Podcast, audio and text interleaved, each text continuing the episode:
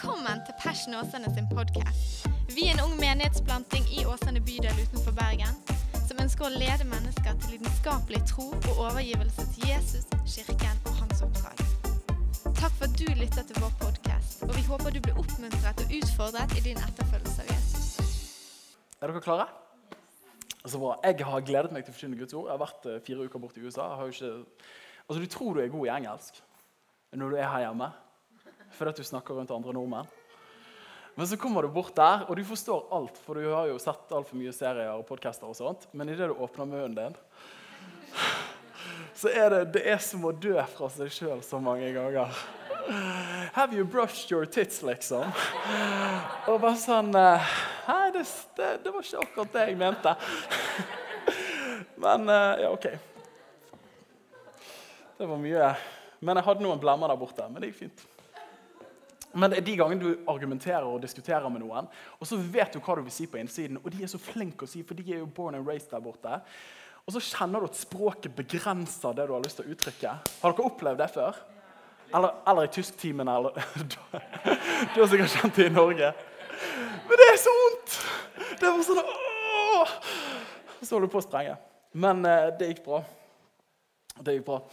All right. Du, eh, sånn som Mats sier, De neste gudstjenestene så kommer vi til å ha en serie ut fra Johannes-evangeliet som heter 'Glimt av Gud'. Glimt av Gud. Og eh, Johannes-evangeliet er jo, er det noen som vet hvor mange kapitler det er?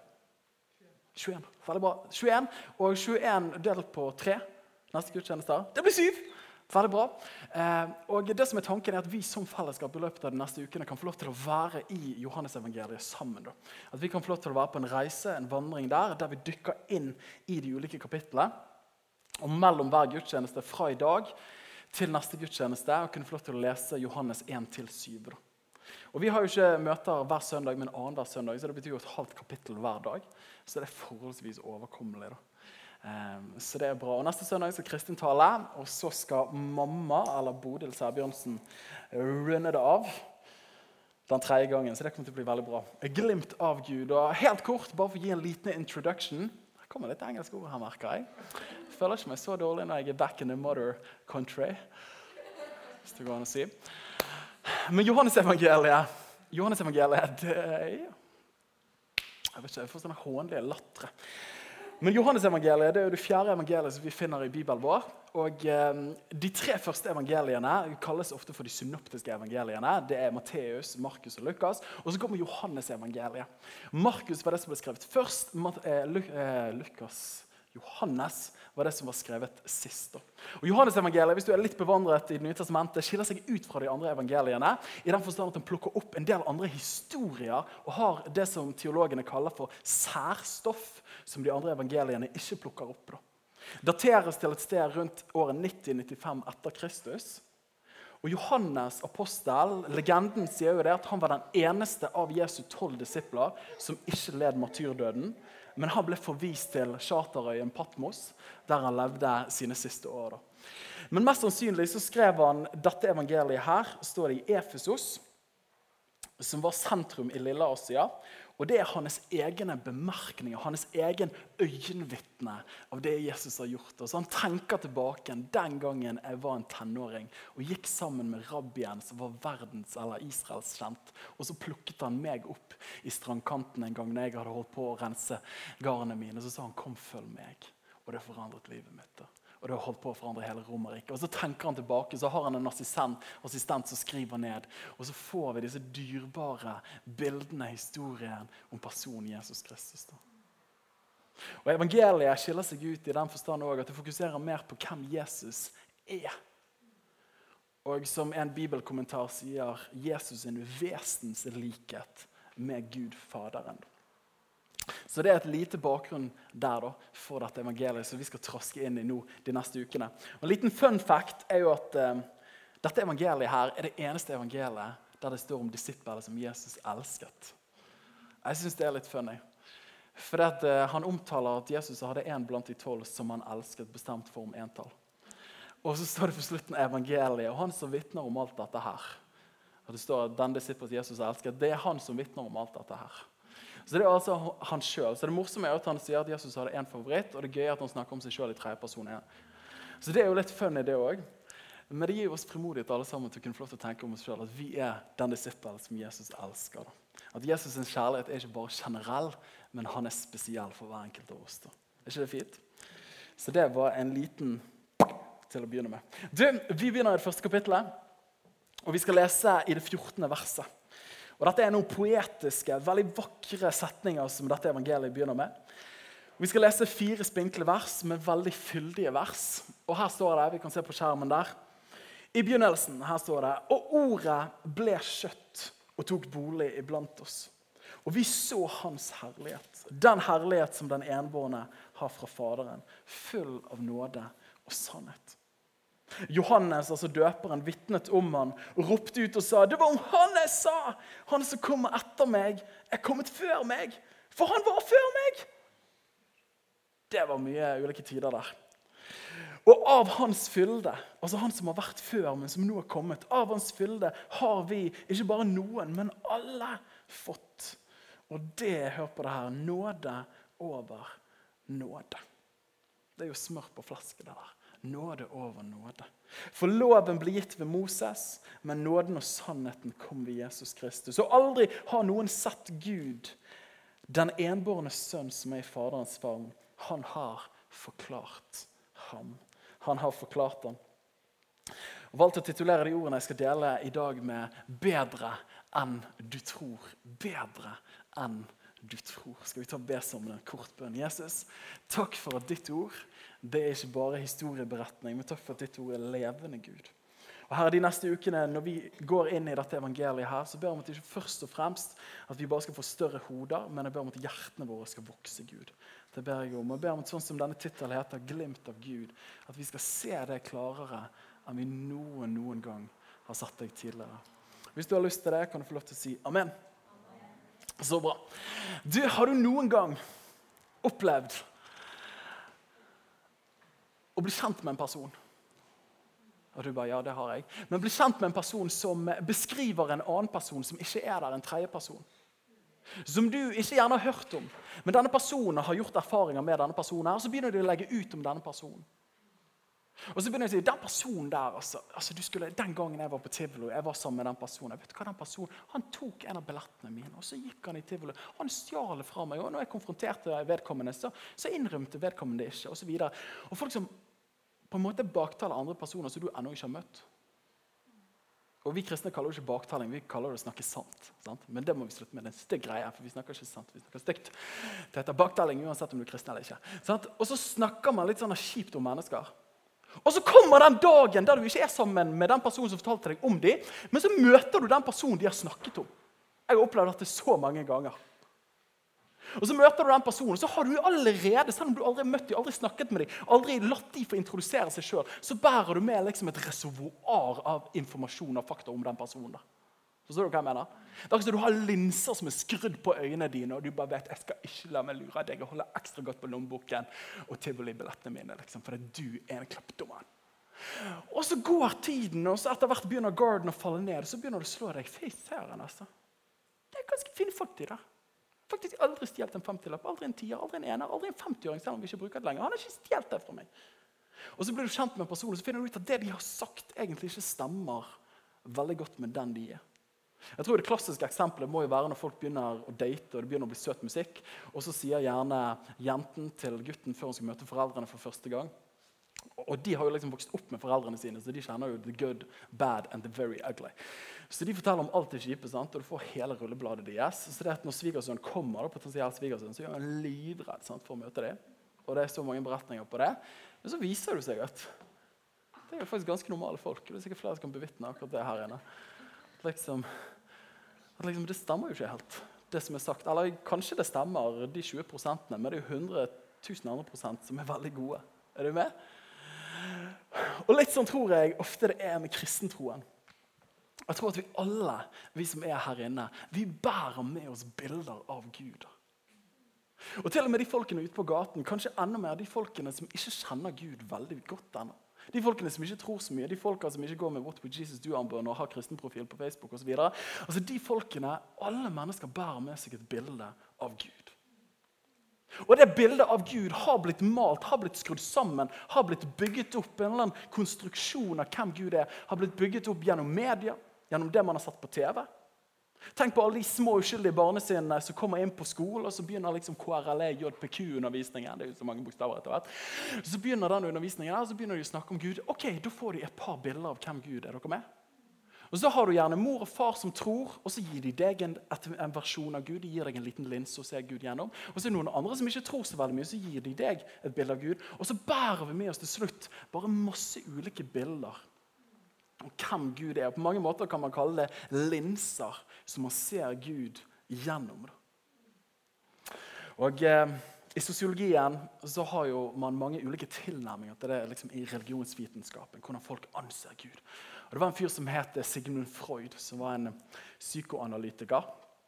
Heftig type. Han trodde ikke så mye på Gud, men han sa at Gud er på mange måter projiseringen. det er et vanskelig ord. Men han er et, at vi tar det bildet vi har av vår far på jorden, og så bare skyter vi det opp på Gud. Og så tenker vi at sånn er han. Og Som regel blir Gud den store, skumle mannen der oppe. Og Han kalte kristentroen for en kollektiv eller universell nevrose. At religion gjorde folk livredde. For det at alle på den tiden på 1800-tallet var livredde for sin. Og så har du andre folk som sier at um, Emil Dyrkheim, en annen sosiolog, sier at samfunnet er på en måte danner bilde av hvem Gud er for oss. At Gud blir egentlig bare samfunnet. Og så har du andre forskere i dag som sier at vi tar og projiserer våre behov. Så hvis jeg har behov for en trygg pappa, så danner jeg et gudsbilde som en trygg pappa. Hvis jeg har behov for en Gud som, er, som gir meg eh, alle pengene jeg vil ha og kjøper ting på eBay, så får jeg en Gud som har lyst til å bare kjøpe masse ting på eBay. Er dere med? Og så får man masse av disse bildene, og så blir spørsmålet, som jeg tror mennesker overalt stiller seg, og som jeg vet jeg har stilt meg Men hvem er Gud? sånn, sånn egentlig? Hvem er Gud egentlig? Hvordan ser han egentlig ut? Stemmer de tingene jeg har hørt? Stemmer de bildene som folk har malt opp? Hvem er Gud egentlig? Og Det er hele hjertesukket med de øyeblikkene vi deler i dag, men òg de neste ukene. Glimt av Gud. Vi ønsker ikke at stemmer som ikke kjenner Gud, skal være med å male bildet av hvem Gud er. For faktum er at sånn som du tenker at folk er, vil påvirke hvordan du relaterer til dem. Så det at Når du har hørt om en person at de er kleptoman, selv om de ikke er det, så holder du ekstra godt på lommeboken din når du møter dem. Og så er det med å begrense den relasjonen fordi du har hørt noe som ikke er sant. Så Da er det så avgjørende at vi bærer et bilde av Gud som er sant, for at vi kan relatere til ham på en måte som virkelig kan lede til en god relasjon. Og at vi kan få lov til å møte ham for alt det han er. da. Og Da skal vi få lov til å gå til de versene som vi har foran oss her i dag. Disse versene kan jo høres svulstige ut. Det kan jo høres ut som Johannes døperen sitter der i Efesos i Lille Asia og så bare tenker nå skal jeg endelig få ut mine poetiske egenskaper. og Jeg skal bare bruke det mest svulstige og skildrende språket jeg noen gang lærte i hebraiskundervisningen min. Greskundervisningen, når jeg vokste opp. Men på den tiden her når Johannes vokste opp i Israel, når han løpte rundt der som liten gutt og gikk i synagogen sammen med de andre disiplene til Jesus og de andre folkene som levde i Israel på denne tiden, her, så var det én person som hadde premissene når det kom til å male bilder av hvem Gud var. Den jødiske, jødiske bibelen, som er Tanakken, som består av loven, profeten og skriftene. Der var det én hovedperson som hadde liksom skrevet de fem første bøkene. Han hadde satt premissene for hvordan hele denne troen kom til å være. og hvordan man skulle tilnærme seg Gud. Det var en mann som begynte på M og sluttet på Oses. Og han var lovmannen. Han var den store dommeren. Han var den som hadde satt Gud nærmest. Og Han var den som hadde lagt premissene for hvordan man skulle fortolke Gud, og da i den forstand hvordan man skulle relatere seg til ham. Men det som er interessant med Moses, som var helten på denne tiden her, og så var han de quotet hele tiden, det var at han ved en anledning du kan lese om de andre Mosebok, han spør Gud. Han sier, han, han, var jo VIP med Gud. Hele folket var nede i ørkenen, og så står det at han var oppe på fjellet og så møtte han Gud. Ganske heftig. Og så sier han, 'Gud, jeg har lyst til å se deg.' Altså, Jeg har lyst til å se deg. Jeg har ikke lyst til å liksom bare, liksom bare, høre sånn torden. Og så, jeg har lyst til å se deg. Hvem er du egentlig? Og Så leser vi andre Mosebok i det 33. kapittelet og det 23. verset. Og så sier Gud til ham, du skal få se meg bakfra. Men mitt ansikt kan ingen se. Men mitt ansikt kan ingen se. Så han hadde ikke satt Gud. Men likevel var han premissleverandøren, for han var den som hadde satt mest. Og Det de hadde, det var de fem første Mosebøkene. Det var loven, det var Toraen. Og er du klar over det i løpet av Toraen? Hvis du liksom skal, være, hvis du skal følge alle påbudene som er der, så er det 613 påbud til sammen. Det er ganske heftig. 613 påbud. Og det var jo ikke det at loven i seg sjøl var ond på noen måte. Men når du har 613 påbud, og dette blir premisset for hvordan du skal tilnærme deg Gud, hvordan du forstår Gud, så gjør det noe med personer. Skal jeg kunne ha confidence innenfor denne personen, her, skal jeg kunne få lov til å virkelig relatere til denne personen, så må jeg innfri alle de 613 tingene. Tenk å stå opp hver morgen så har du en to do-list med 613 punkt før du virkelig er der. Det er ganske mye. Så dette, Her kommer Moses og sier at den guden som vi får lov til å tjene, den guden som er Gud over alle andre guder, han liker 613 ting. Og Du trenger å lære deg de, og du trenger å etterleve de. Og Det var jo ikke det at det var kjipe ting, det var jo fine ting. Du skal ikke drepe, liksom. Du skal ikke drive hor. Du skal holde hviledagen hellig. Og så videre og videre. Det er knallbra greier. Problemet er bare at vi er, ja, vi er akkurat det vi er. Vi er oss. Så det er at Når Gud presenterer krav, men vi ikke har kraften til å kvalifisere for det, så leder det til avstand. Og Du har sikkert møtt det og erfart det hvis du er sammen med mennesker som har vanvittig krav til deg. Eller Jeg drev jo aldri med idrett, men jeg tenker meg de som hadde en trener som stilte veldig høye krav til seg, og så klarer du aldri å innfri, og du er aldri god nok, så er det ikke sånn at du bare kjenner vet du hva, det er bare en fantastisk connection mellom deg og meg. Bare kjenner at du og meg, jeg kan være meg sjøl her. Selv om jeg ikke får det til. Løp! Jeg klarer ikke mer, men jeg kjenner meg trygg rundt deg. Sånn? Altså, det er jo ikke sånn det fungerer. Hvis mennesker stiller store krav til deg, så trekker vi oss unna hvis ikke vi har kraft til å innfri de kravene. Og Det var akkurat det som skjedde med israelsfolket på denne tiden. her. Det var at Gud ble en veldig skummel, han ble en skremmende størrelse. Og Paulus sier i, i andre korinterne når han skriver til de i det tredje kapittelet, og så sier han, han kaller det for bokstavens pakt. At disse steintavlene, disse fem mosebøkene, disse 613 reglene, bokstavens pakt. Og vet du hva Han sa at den gjorde? Han sa at loven var great. Det var ikke noe feil med kravene. det var helt tipp liksom. Men du pluss det er lik veldig kjipt. Og han kaller bokstavens fakt for fordømmelsens tjeneste. Og så sier han at bokstaven slår i hjel. Hvordan er det mulig at det slår i hjel? Hvordan er det mulig at det som er fullkomment, slår i hjel? Jo, pga. nok en gang at du og meg er oss sjøl. Og selv om du og meg ikke våkner opp hver morgen og har 613 ting, og vi tenker og vi følger de seremonielle og sivile lovene fra Det gamle testamentet, så tror jeg så lett at vi tar med oss bevisst og ubevisst gjennom folk har formidlet, gjennom samfunnet, gjennom vår egen samvittighet, så tar vi med oss ulike bud og påbud som vi tenker at Gud er. Og så har vi disse linsene som holder oss opp imot oss. Og så ser vi Gud gjennom forstyrrede linser, gjennom dårlige livserfaringer, gjennom smerter som mennesker har servert oss, og ting som vi har gjort ut ifra dumme valg sjøl. Og hva er det som skjer? Jo, det leder til fordømmelse fordi vi er aldri gode nok for Gud. Og det slår i hjel enhver minste gnist av at du har lyst til å tilnærme deg han, for at jeg er aldri god nok. Og jeg tror at Dette er veldig sant for mennesker som ikke kjenner Gud som bare har hørt om han. Og jeg tror også at Hvis vi går i kristne kretser og ikke fortellingen om Jesus virkelig blir løftet opp, så tror jeg at dette er det som lett skjer. Det er at det er alltid en annen som, som roper litt høyere. Det er alltid en annen som, som, kan litt flere bibelvers og bare dropper det akkurat på det rette tidspunktet. Og når du prøver å droppe det, så er det bare sånn her, too late, friend. Er du med? Det er alltid noen som er flinkere, alltid noen som er bedre, alltid noen som har svart belte i kristenliv, og du opplever at du løper rundt med hvitt belte og en gul stripe på. sant? Og du bare får ikke det til. Og Selv om vi ikke følger den loves, eh, jødiske toraen, så har vi av og til den kristne toraen. Og så kommer disse deilige versene her. Men midt i deres virkelighet, deres verden, de vokste opp på søndagsskole, de hørte om disse 613 tingene, og Johannes tenkte I'm not going to be a rabbi. Jeg kommer til å bli en fisker. For du slipper å tenke på disse greiene. Og Så står det i det 14. verset som vi leste, og så står det men, men ordet ble kjøtt og tok bolig blant oss.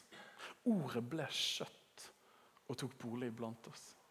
Og når vi leser det, Jeg har hørt det så mange ganger før og tenker at det der er fint og flott. liksom. Men hva er det som egentlig står her? Jo, det første verset står det at i begynnelsen var ordet. Ordet var hos Gud, og ordet var Gud.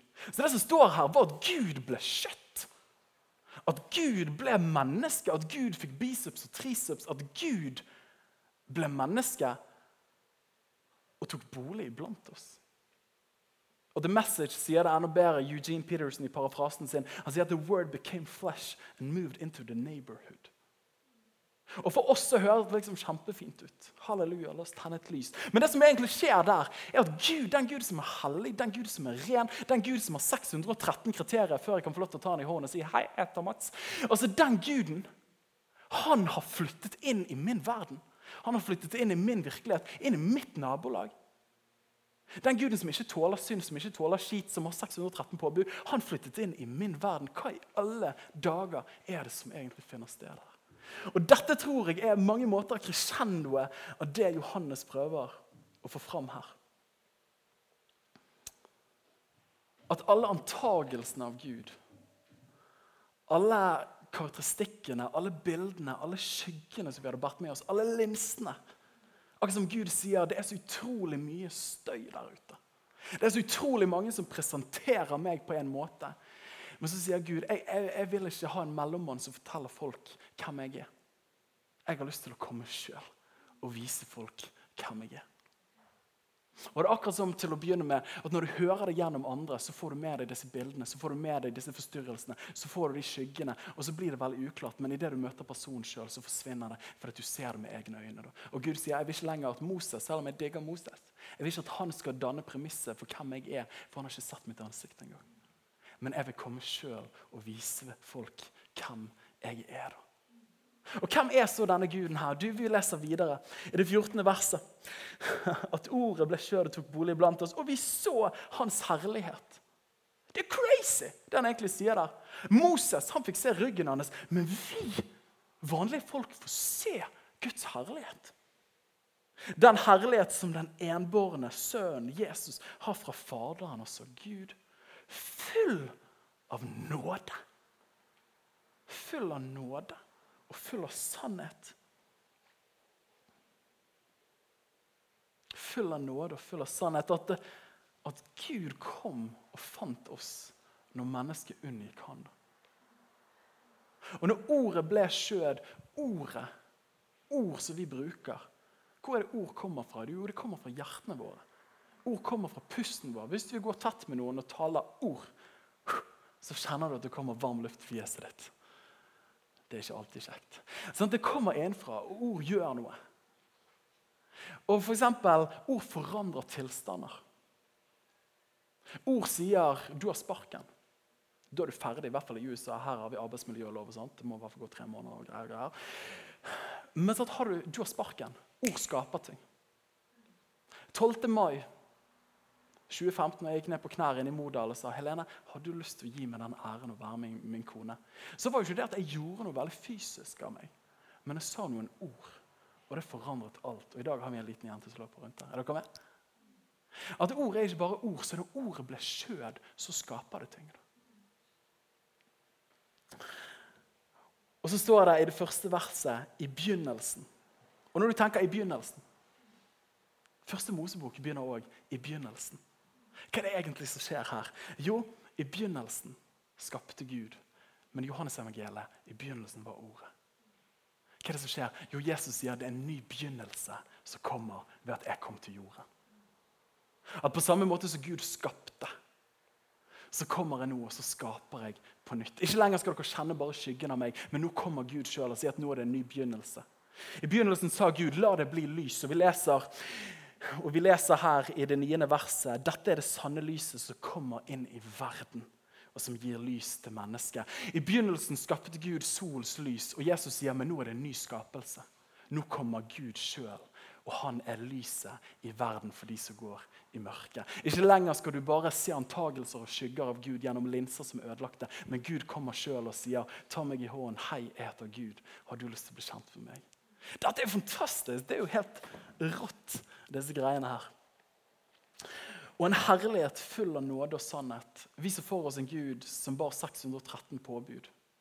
som var fordømmende, som egentlig slo i hjel, som straffet oss, for vi hadde ikke kraften til å kvalifisere for kravene som han stilte. Men så er det en Gud som kommer med nåde.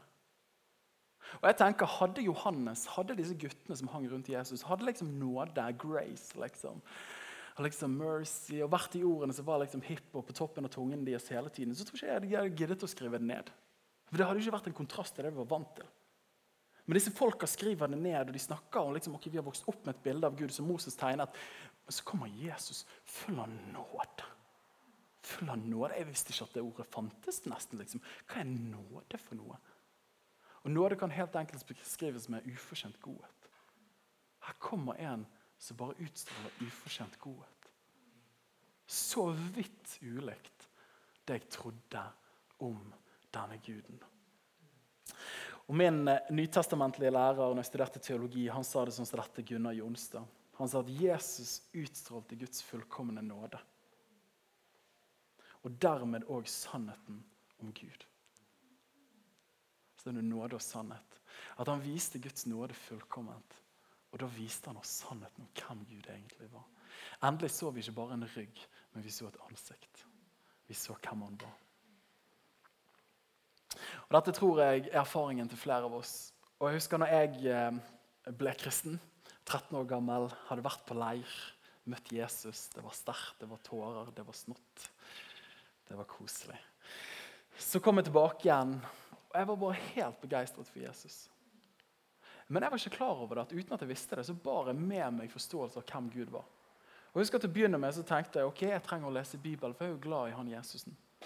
Så jeg begynte å lese litt i Bibelen, begynte å be litt, og kjente at det var godt.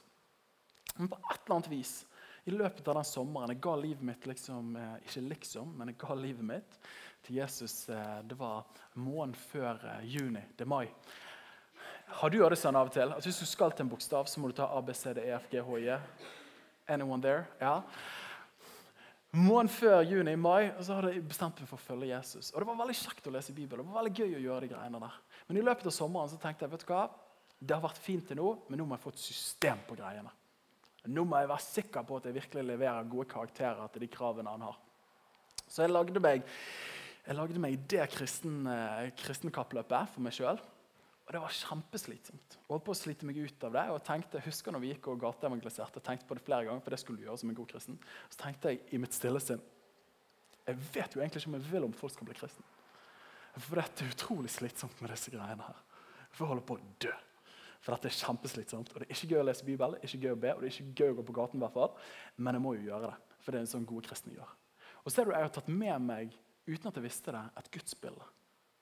Jeg var ikke klar over at jeg hadde det, men jeg hadde et bilde av en gud som egentlig var mer Moselov enn den guden som Jesus viser oss. da. Og For meg ble det en sånn der, med årene så måtte jeg bytte ut de løgnene. Og så måtte jeg ta til meg det som var sant. Og jeg husker På denne tiden her, så var det en kompis av meg som kom bort til meg og sa han, Daniel, Daniel, kan jeg fortelle deg en ting? Og jeg bare sånn, ja, come on, liksom. Og så sier han Gud er ikke sånn som du tror han er. Jeg bare tenkte OK. Jeg, bare, tror jeg vet det bedre enn deg, liksom, tenkte jeg. Men det sa jeg ikke, for jeg er kristen. Jeg tror jeg vet det bedre enn deg. Men han sa Gud det er ikke sånn som du tror han er. Og så ok. Og så ser han på meg, og så lar han meg henge der. Og så sier han han er enda bedre.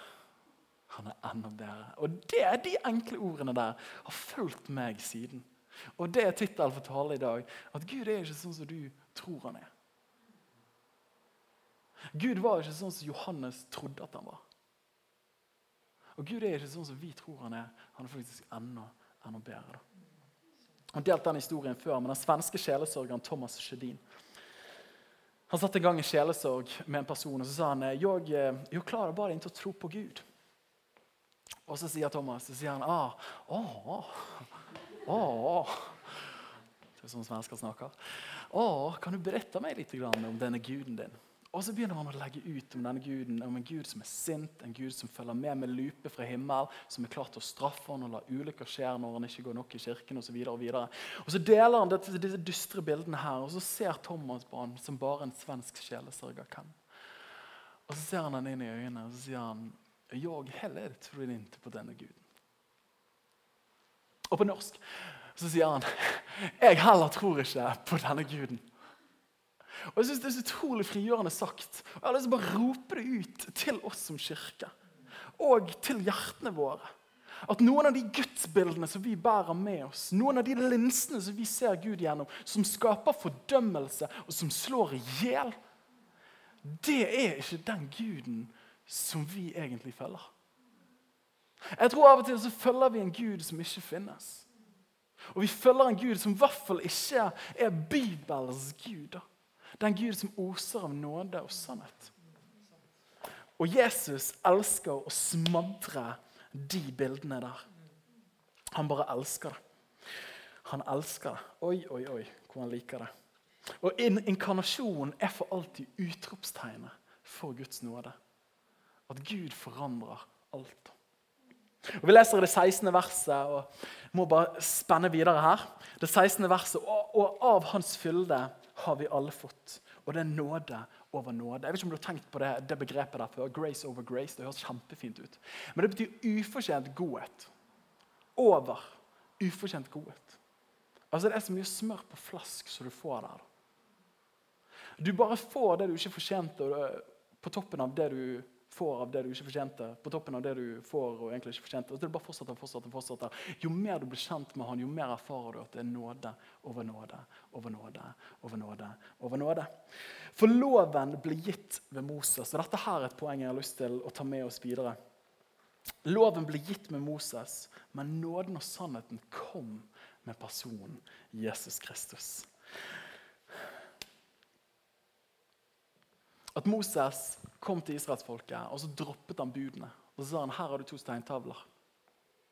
Og det er veldig fine greier. Men når du opplever at du har lyst til å slå naboen din? Du, skulle, du skulle ikke gjøre sånn. Så hjelper ikke deg så veldig mye at du har to steintavler. Eller det hjelper deg hvis du har lyst til å slå dem. Da kan du slå dem enda hardere. Men det er ikke sånn. Det kom jeg på akkurat nå når jeg sa den. Men du, det er ikke sånn at du liksom kjenner liksom, å, nå har jeg bare lyst til å slå til den personen der. Så da finner jeg styrke og trøst og eh, mot i de steintavlene der til å ikke gjøre det. Det funker ikke sånn. Han kom med en sett med lister, men så sier han ok, dette er listene, fiks livet sånn du passer med de listene. der, Og du bare sier jeg, dit, never. Sant? Det kommer ikke til å skje. Men så står det at nåden og sannheten kom med personen Jesus Kristus. Hva er greien her? Jo, loven var noen steintavler. Nåde er ikke en side av Gud. Nåde er ikke bare et karaktertrekk. Nåde er ikke bare en tilbøyelighet han har iblant, men nåde er en person. Og det er personen Jesus Kristus. Nåde er en person, og det er personen Jesus Kristus. Så det at når du og meg opplever at vi står overfor krevende ting. At vi, ikke, at, vi, at vi, kjenner at det bruser i oss, og vi har lyst til å gå et sted vi ikke burde gå. og vi har lyst til å gjøre ting vi ikke burde gjøre, og så, videre, og videre. så har ikke vi noen steintavler lenger, men vi har en person som vandrer sammen med oss. da. Og det er to vidt forskjellige ting. Og Et bilde som mange predikanter bruker, er bildet av de to ekteskapene. Har dere hørt det før? At det var et ungt ektepar som møttes, og så så de på hverandre og så tenkte de, du og meg, vi hører sammen. Du ser bra ut, du ser bra ut. Fine hjerter. Come on. Og så giftet de seg, og så var det sweet. Og så kommer en dag ektemannen og så sier han, du, jeg har, eh, jeg har disse punktene her så jeg vil at du gjerne skal følge. Jeg vil at du skal stryke klærne mine, jeg vil at du skal lage mat til alt jeg kommer hjem. Dette var liksom før likestillingstid. Og jeg vil at du skal, og så videre og videre. Og videre. Og så kommer hun med den listen der. Og det bare Det ødelegger jo romansen, for å si det mildt. Og så går årene, og det er et ulykkelig ekteskap. Og så dør første ektemann. Og så går en liten stund, og så møter vedkommende denne kvinnen en ny ektemann. Eller en ny mann. Ikke en ektemann, en mann. Og så er det søt musikk, og så blir, gifter de seg. da. Og så går historien som følger at de har det utrolig godt sammen. Ikke bare før, men også etter de gifter seg. og det blir bare bedre Og bedre og bedre. Og En dag når hun er hjemme og rydder, så kommer hun over den listen som den første ektemannen laget. Og Så ser hun gjennom den listen med de ulike punktene og de ulike tingene som var forventninger skulle blitt gjort av henne. Og så ser hun at uten å være klar over det, så gjorde hun de tingene automatisk. Fordi det var kjærlighet der, da. Men at når du fikk budene og kravene servert til deg, så strakk du aldri opp. Men når du levde i en relasjon til ikke noen steintavler, men til en person, så begynte det å komme av seg sjøl. Nåde før sannhet. Du og meg, vi lever i denne nådens tid. Og i det 18. verset, helt til slutt Aldri har noen sett Gud, men den enbårne sønn, som er i Faderens favn, han har forklart ham. Fram til denne tiden her hadde folk bare sett Moses sin fortolkning av hvem Gud var. og Han hadde ikke sett Gud engang. Det er som å leke viskeleken, men ingen har egentlig hørt hva som ble sagt i utgangspunktet. Og så skal du gi deg ut og fortelle hvordan det egentlig var, det som ble sagt. Det blir bare feil uansett. Men Gud sa at 'jeg gidder ikke å ha mellommenn lenger'. Jeg kommer sjøl for å vise folk hvem jeg er. Og så forklarer Guds sønn viser oss hvem Faderen er. Det står i Hebreerne, og så står det i første kapittel og det tredje verset, og så står det at Jesus Hør på det her, folkens. Er avglansen av Guds herlighet. Han er det uttrykte bildet av hans vesen. I verset rett før så står det at Gud i tidligere tider på mange måter talte til fedrene, talte til folk gjennom profeter. Men han har i de siste dager talt oss gjennom Sønnen. Han har talt oss gjennom Jesus. Og Bill Johnson i den menigheten vi nettopp var, han er pastor der, han sier disse korte, med eminente ordene at Jesus Kristus er perfekt teologi. Teologi det betyr lære om Gud. Jesus lærer oss om Gud perfekt, som ingen andre kan.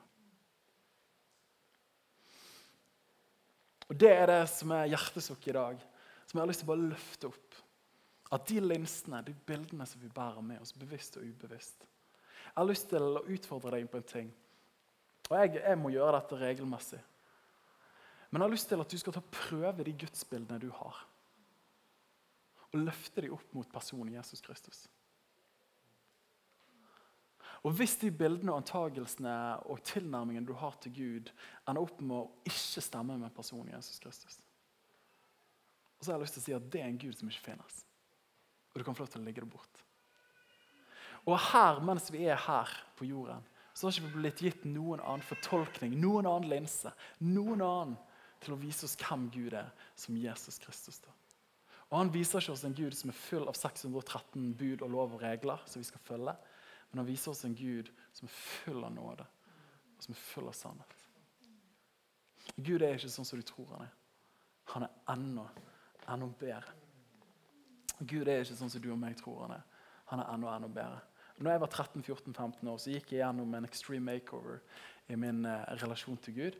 Fra å ha en Gud som sto i himmelen og var en veldig sint trener, som aldri jeg klarte å prestere nok til, til etter hvert få et gudsbilde som var preget av kjærlighet, nåde, og at han var god. da. Og så er En av de farene som jeg har gjort gjennom årene, er at jeg tenkte ok, men når jeg var 15 år, da grep jeg det. Da var det ferdig. Da fikset jeg det. Jeg hadde, hadde, hadde gått fra loven til lidenskap, og det var great. Men så tar jeg meg fortsatt i dag at jeg plutselig stresser litt ekstra. For jeg tenker at Gud er ikke fornøyd med meg. Eller at jeg, jeg, prøver å ta meg sammen og jeg prøver å få gjort mest mulig. For at Gud vil klappe meg på skulderen og si vet du hva, Daniel, fy søren, du var flink i dag. Du klarte å gjøre alle de gjøremål du hadde, pluss et par til. Og så legger du med nederlagsfølelse når du ikke får det til. Kjenner dere igjen i det jeg sier? Sånn at, ok, Jeg skulle lest Bibelen, jeg skulle hørt den podkasten, men jeg så en serie.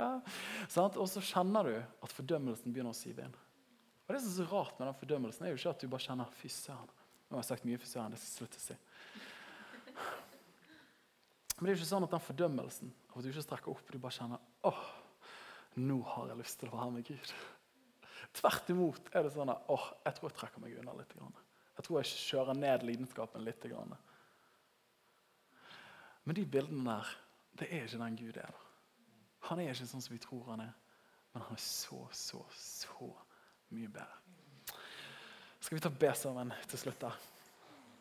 Jeg vil at du jeg vet hva, jeg har lyst til å være så frimodig. Vi har vært over i Amerika. Så hvis du kjenner vet du hva, jeg har noen sånne gudsbilder som plager meg litt, som kommer igjen og igjen, kan ikke du ta opp hånden din akkurat nå? Vi alle er der. Hvis du kjenner vet du hva, jeg har noen sånne gudsbilder som plager meg, takk, fantastisk. La oss være frimodige. Jeg har noen gudsbilder som plager meg. Mm. Ja. Så kan du bare ta opp hånden og ta den ned igjen. Men det er godt å gjøre noe fysisk. noe uttrykk, uttrykk utadvendt for å bekrefte det som er på innsiden. Og Jesus, her Vi ber Herre som kirke, men òg som enkeltpersoner. Jesus, at eh, Jeg ber her om at du skal gå løs med sleggegud på de linsene, på de bildene som vi tror at du er, men som du egentlig ikke er, Gud. Og Jeg ber deg Jesus, om at i løpet av de neste ukene at du skal bare gi oss glimt, og ikke bare glimt, Herre, men at du skal gi oss fulltekst og fullbilde av hvem du, Gud, egentlig er. Jeg har lyst til å be så frimodig at Hvis det er gudsbildet her inne som vekker fordømmelse, som holder oss i skam, som binder oss og holder oss tilbake igjen og trekker oss unna Gud, så Jesus, vi bryter makten i de bildene der. Og Jeg bare sier utover de bildene at det er ikke den Gud som Jesus viser oss. Jesus viser oss ikke en kosegud, men han viser oss en Gud som er full av nåde. Og i den nåden leder oss til frihet og til sannhet. Det er den Guden han viser oss.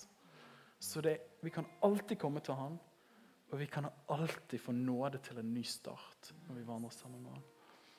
Jesu Kristi Jeg tror jeg kjenner på et ord her i dag at eh, jeg, tror, jeg lurer på om noen av oss har kjempet sånn med Guds relasjon på hvordan man bærer med seg disse bildene her.